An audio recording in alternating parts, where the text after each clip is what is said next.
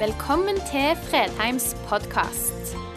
For mer informasjon og ressurser, besøk oss på fredheimarena.no, eller finn oss på Facebook.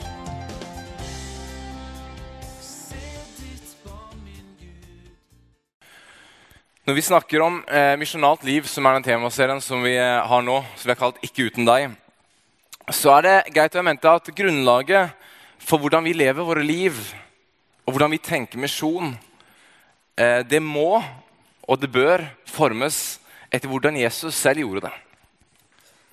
Faktum er at Jesus kunne ha fylt stadium etter stadium med mennesker hver eneste dag. For han var populær blant mange. Men istedenfor det så valgte han å bruke tre år med tolv personer. Disipler som gjorde disipler, som igjen gjorde disipler. Han stoppet opp langs veiene, lyttet til den enkelte. Satt seg ned ved brønnen med folk som andre tenkte at du burde aldri ha sittet med denne kvinnen der. Han brukte tid i huset til de som var forhatt, til de uønska, til synderne. Han brukte sin tid med enkeltmennesker, smågrupper på forskjellige arenaer, hvor enn han måtte finne dem. Enten de satt i toppen av et tre, lå langs veien, eller han fant dem ved gravehulen. Jeg hørte et sitat fra en eh, amerikansk setting. Men jeg tror ofte det, vi står i fare for å, at det kan skje også i Norge, bare i en litt mindre målestokk. Og det gikk sånn her, Kirken kan fort bli et cruiseskip hvor 200 jobber, og 4800 er bare med å støtte opp om de 200 som jobber med, med de frivillige gjennom programmer.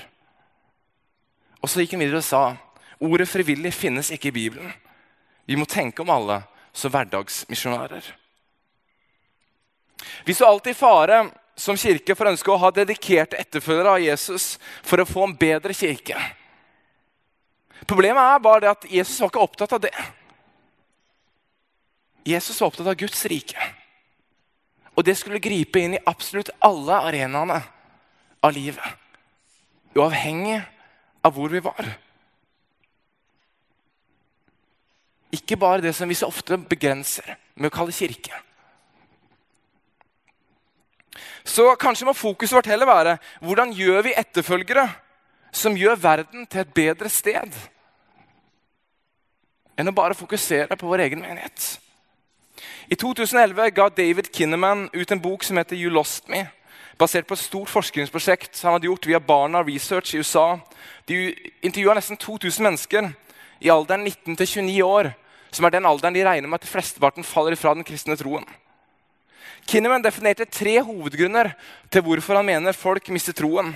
Nummer én mangel på disippelgjøring. Nummer to manglende kobling mellom generasjonene. Og nummer tre manglende kobling mellom tro og karriere. Scott Crosby, som i dag driver det som eh, tilsvarer skolelaget i Norge, i USA, i New York, sa det slik Hvis du ikke ser hvordan troen er relevant for din nye verden, er det vanskelig å forene tro og arbeid uten å ende opp med å forlate troen. Én times gudstjeneste hver uke er ikke nok til å holde fast på en levende tro. Og så skriver han videre, Jeg tenker var dette som sekulariserte Europa i sin tid. Industrialiseringen rev opp fellesskapene menneskene hadde på sine hjemsteder, inkludert fellesskapet i kirken. I Efesbrev 3, som er en nydelig tekst Jeg kan ikke gå inn i helteksten, men den bør lese når du kommer hjem videre. Eh, så starter Paulus med å fortelle hvordan han, er den minste av de minste. Han som sjøl forfulgte de kristne over lang tid. Før han går videre sier at han har blitt satt inn som en hedningenes apostel. Og Så kommer han til et punkt hvor han begynner å be om styrke og innsikt. som vi skal lese her nå. Hvor Han skriver Derfor bøyer jeg mine knær for Far, Han som har gitt navn til alt som kan kalles Far i himmelen og på jorden. Men Han som er så rik på herlighet, gi deres indre menneske kraft og styrke ved sin ånd. Må Kristus ved troen bo i deres hjerter, og dere står rotfestet og grunnfestet i kjærligheten. Må dere sammen med alle de hellige bli i stand til å fatte bredden, lengden, høyden, dybden. Jeg kjenner hele Kristi kjærlighet, som overgår all kunnskap. Må dere bli fylt av hele Guds fylde, Han som virker i oss med sin kraft. Han kan, som kan gjøre uendelig mye mer enn det vi ber om forstår. Ham være ære i kirken og Kristus Jesus gjennom alle slekter alle tider. Jeg tror det er noe helt essensielt vi står i fare for å miste i vårt liv hvis vi glemmer hva vi står med, og hva vi står i hver eneste dag. Må Kristus ved troen bo i deres hjerter. Og dere står rotfestet og grunnfestet i kjærligheten.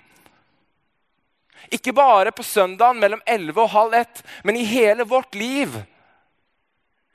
På alle våres arenaer. Må dere sammen med de hellige bli i stand til å fatte bredden, lengden, høyden og dybden. Jeg kjenner Kristi kjærlighet, som overgår all kunnskap. Gud, hvor stort er dette? Hjelp meg til å gripe det.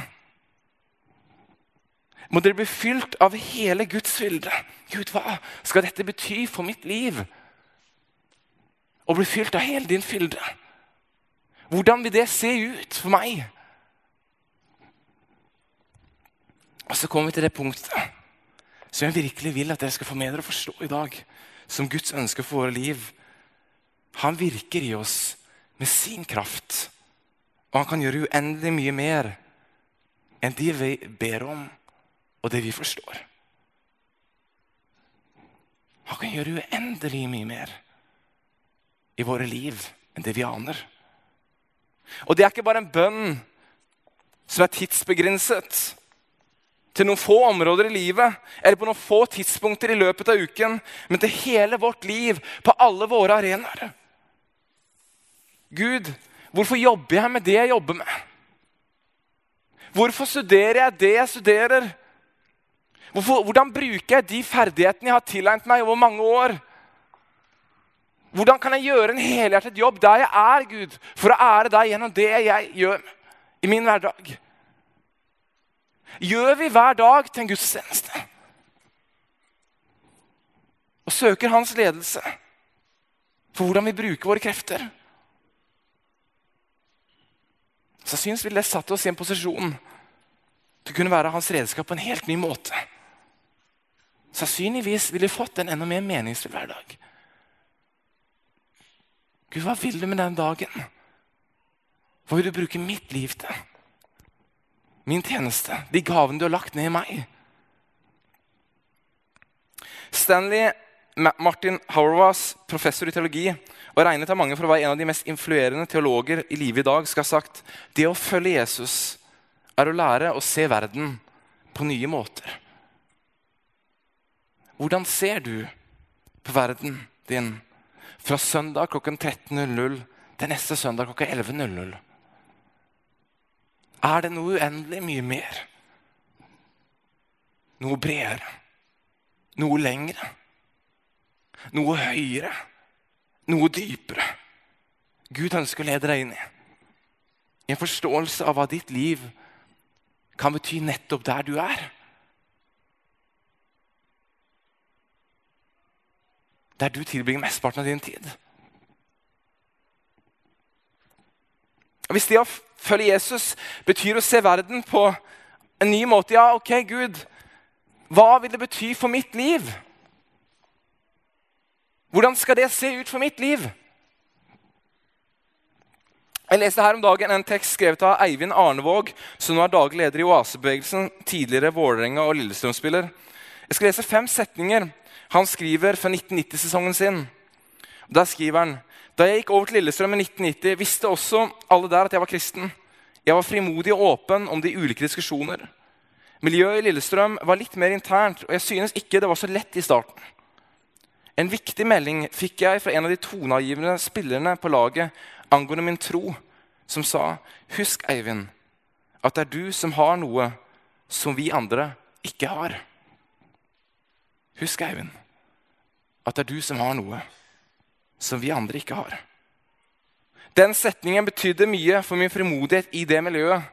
Og jeg kommer stadig tilbake til det når jeg taler til ungdom som kjenner seg alene med troen.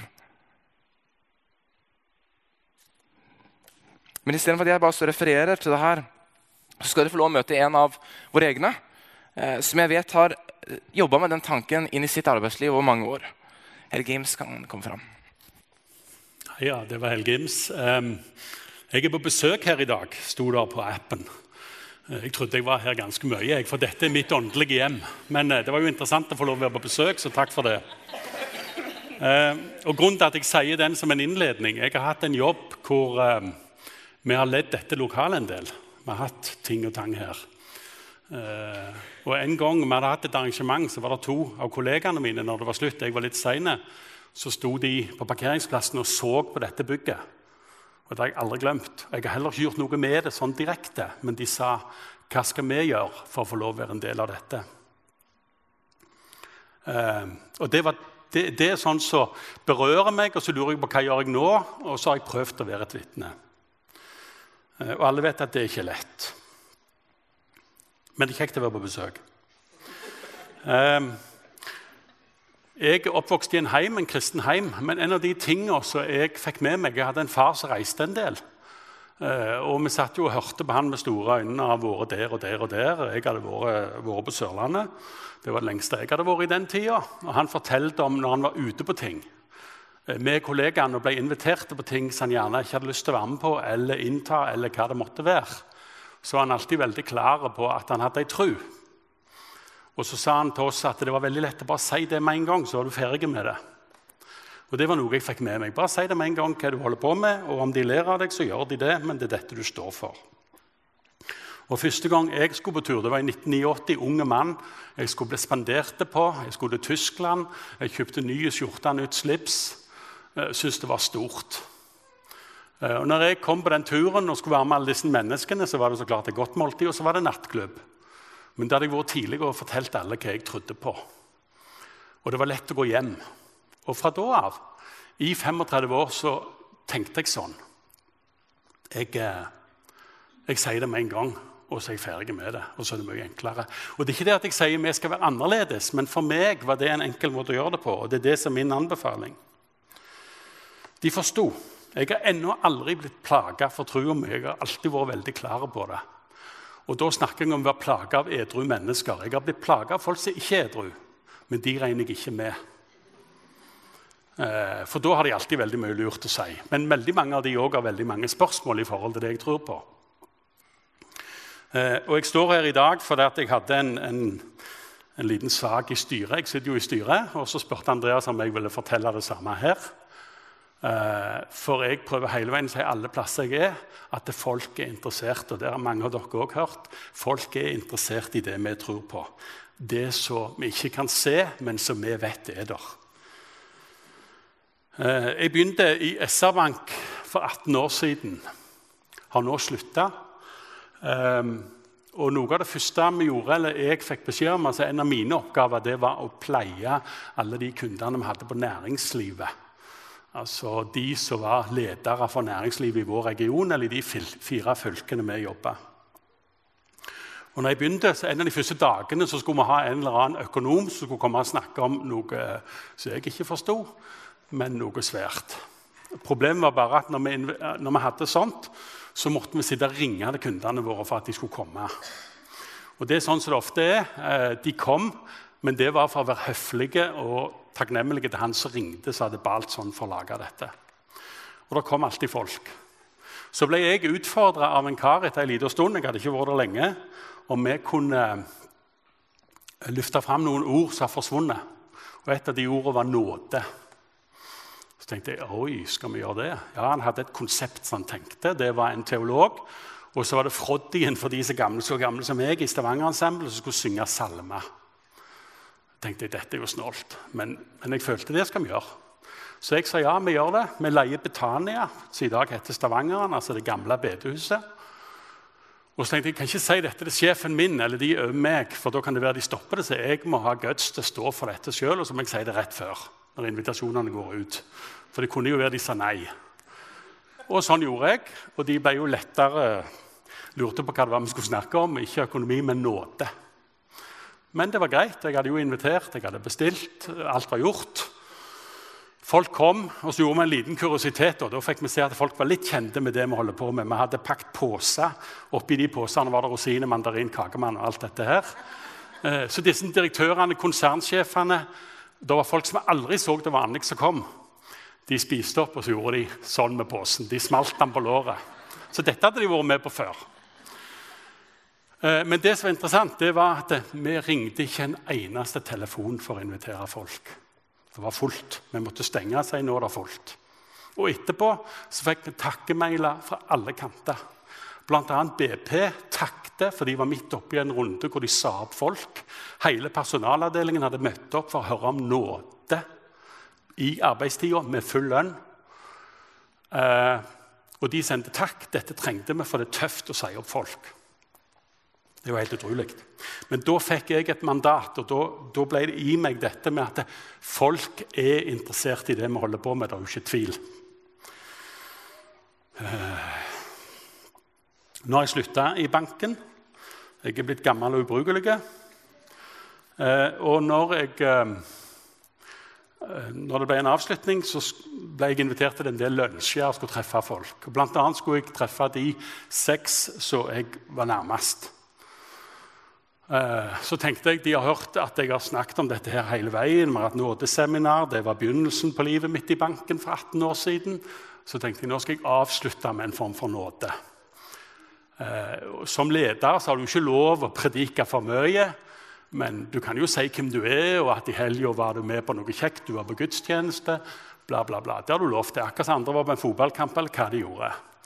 Men da tenkte jeg nå kan jeg sier det veldig sterkt. Så jeg gikk og kjøpte seks av disse bøkene, pakket de inn, og så ga jeg den til de når vi skulle skilles. Og så har jeg nå begynt vi med nåde, og denne boka heter 'Strømmer av nåde', og vi avslutter med nåde. Og Tårene kom, vi ga hverandre en klem, og vi sa ha det. Og jeg aner ikke hvordan det har gått. Har de lest, har de ikke lest? Det vet jeg ikke.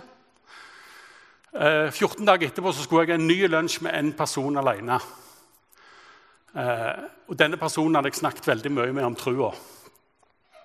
Eh, så tenkte jeg at jeg kjøper ikke bok til denne personen. for jeg kan jo ikke mase. Så Denne personen hadde vært kristen, tok avstand, var ikke med lenger. Så feig, jeg var litt sånn feig, så tenkte jeg jeg kan ikke, jeg kan ikke mase mer. Så var jeg her på søndagen. Eh, så var det tungetale. Beklager. Gunn Turid hadde tungetale. og for, altså, Momentant så ble det tolkning av tungetalen etterpå. Og det ble sagt veldig mye. Men det jeg husker, og det jeg hørte kan jo være Jeg fikk en egen tungetale, men det var at eh, det du har tenkt å gjøre på mandag, eller det du har tenkt å gjøre på mandag, det skal du gjøre. Så tenkte jeg ja vel, da får jeg gjøre det, da. Det var mandag jeg skulle ha den lunsjen. Så jeg gikk på vei til lunsjen innom og kjøpte en ny bok. Jeg burde få ei gratis, for så vidt, men jeg har kjøpt så mange. Eh, kjøpte jeg en ny bok og kom til lunsj med denne personen. Vi drøste om livet, vi drøste om det vi hadde hatt sammen i 18 år. Eh, og så videre og sånt. Og så når det nærma seg, jeg tenkte nå har jeg brukt lang nok tid. Denne personen var jo på jobb, jeg var jo blitt pensjonist. Så jeg sa at eh, jeg har noe jeg har lyst til å gi deg. Og så svarer denne personen momentant er det boka. Så tenkte jeg ok, dette hadde jo da snakket om han der snåle som deler ut bok.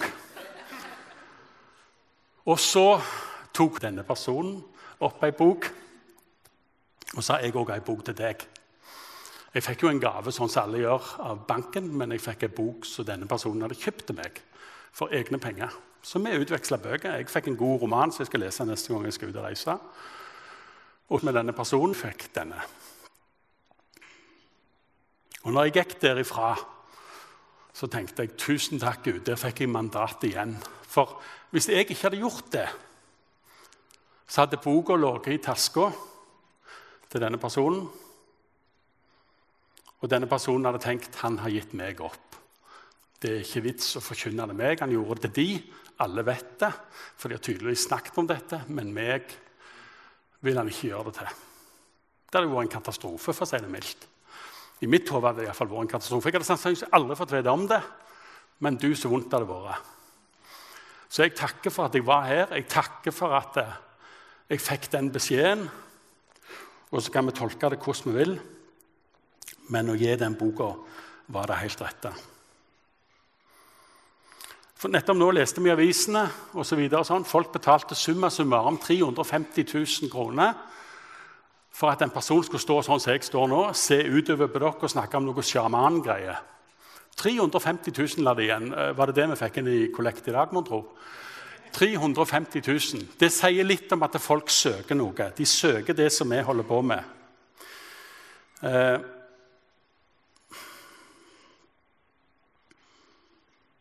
Jesus er ikke en privat eiendom. Jesus er noe vi skal dele med alle. Jeg er stolt av at jeg kjenner Jesus, og vi skal være stolte av at vi får lov å være venn med Jesus. Og sånn som det ofte er, jeg er sånn, Har jeg lest en bok, så er det den beste boka i verden. Har jeg vært på ferie så er det den beste ferieplassen i verden. Har jeg sett en film, så er det bare ikke bedre filmer å se. Og Det forteller jeg til alle. Og jeg skryter og snakker, og jeg er så ivrig. Og det er dere òg. Alle har lest den beste boka, alle har sett den beste filmen, alle har vært på den beste ferien. Men vi gjør ikke det når det gjelder Jesus. Det må vi gjøre med stor fremodighet. Jeg håper det jeg sier nå, får dere til å tenke at ja, vi kan skryte av Jesus for folk er interesserte. Det blir veldig mye diskusjoner i menigheter med ja, med bort med vekt til nei. Det er ikke viktig. Det som er viktig, er at vi skal gjøre Jesus synlig. Eh, jeg takker igjen Gunn Turid for tungetalen. Jeg takker for tolkningen. For vår jobb er å gjøre Jesus synlig. Og han sier i misjonsbefalingen Vi har lett for å ta med oss det tunga der at vi skal gå ut, og du, du, du, du. men han sier 'Se, jeg er med dere alle dager inntil verdens ende'. Det er jo det som er det viktigste. Takk.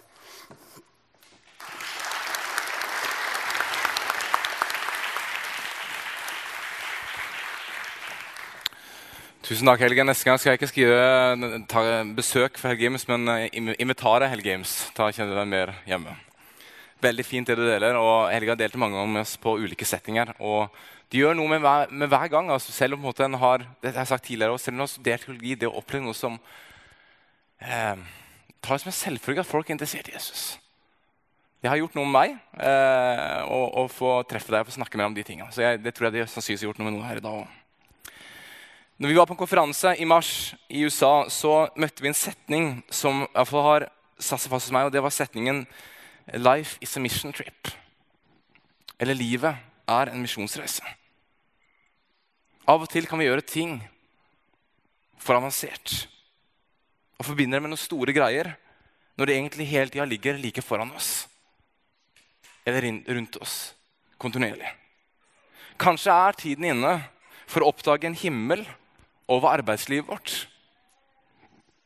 Eller for de som går hjemme, oppleve en himmel over de pliktene som er hjemme de daglige møtepunktene. Herman Haaland, som er utviklingsleder i Tankesmien Skaperkraft, han kom i boka si 'Samfunnsbygger' eh, med en ganske skarp, men sannsynligvis også treffende beskrivelse.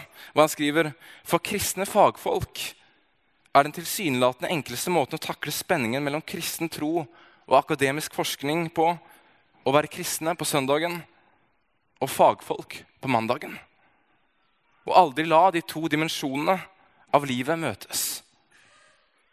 Ved å leve så radikalt fragmenterte liv forkrøpler de evnen sin som kristne, som fagfolk og som mennesker.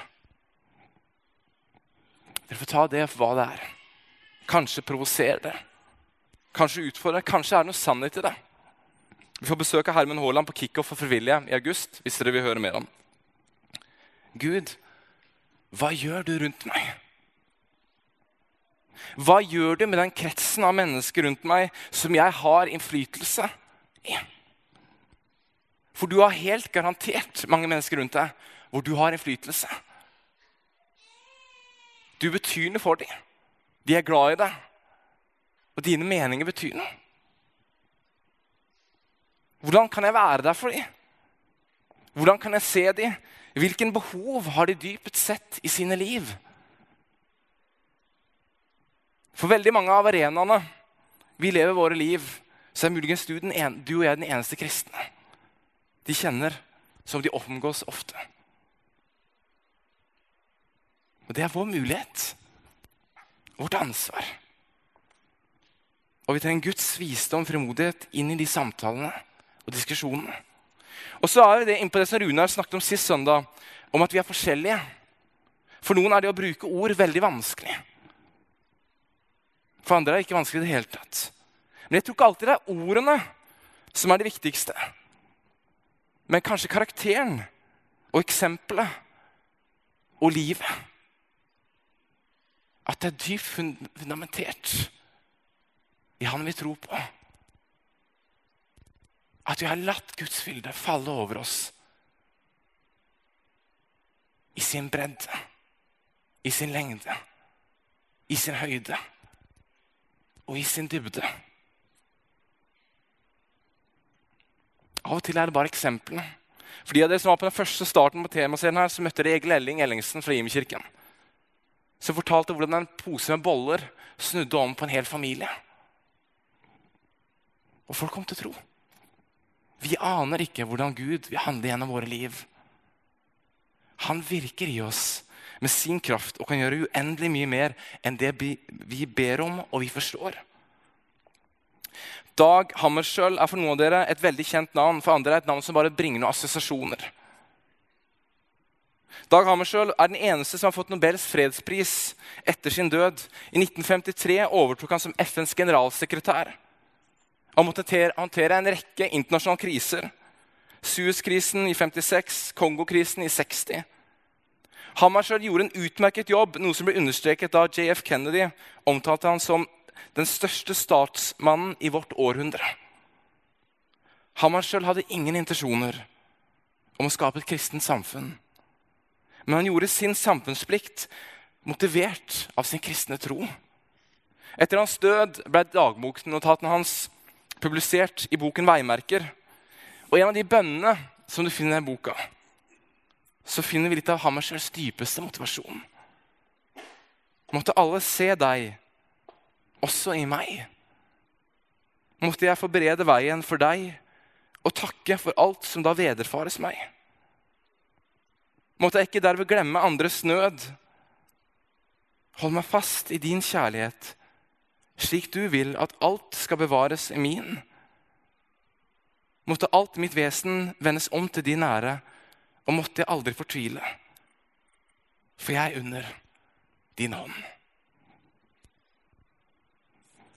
for noen ord av en mann som satte spor i historien gjennom det livet han levde.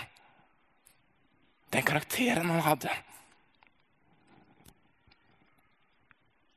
Jeg takker virkelig Gud for at vi er på forskjellige arenaer. Og at flesteparten av oss ikke jobber som pastorer i en tradisjonell kirke.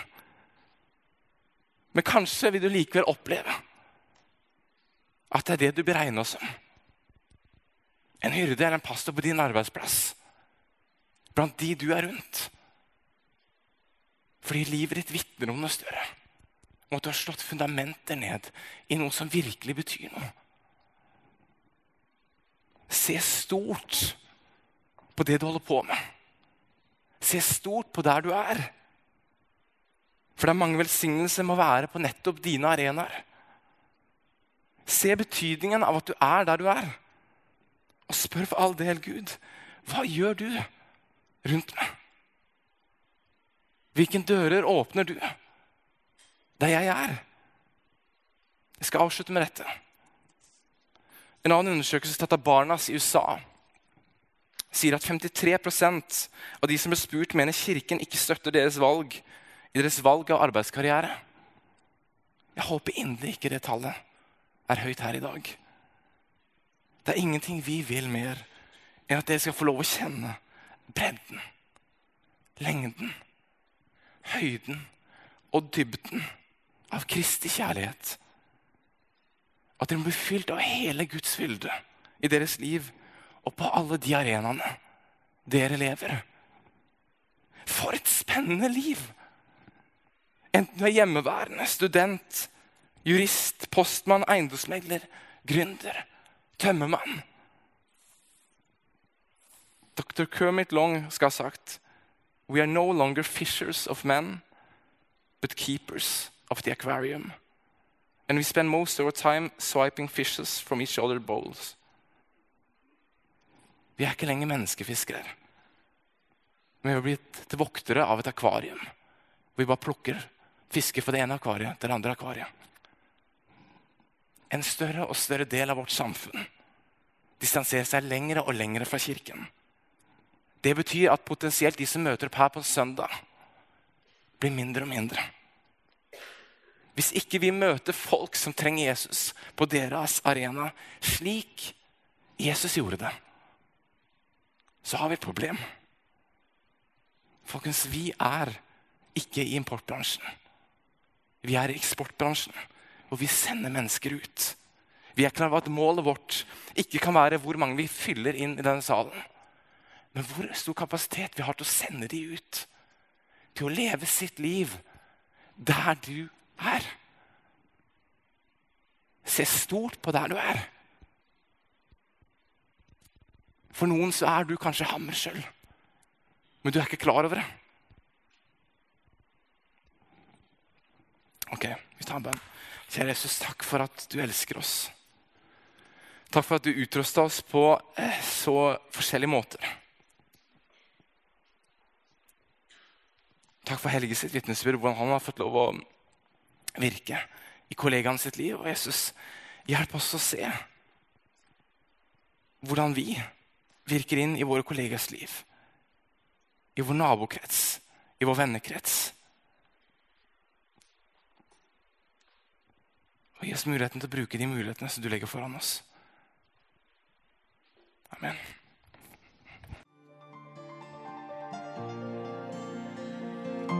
Takk for at du valgte å høre på. Nye opptak legges ut hver uke. Vi har gudstjenester hver helg, og du er hjertelig velkommen.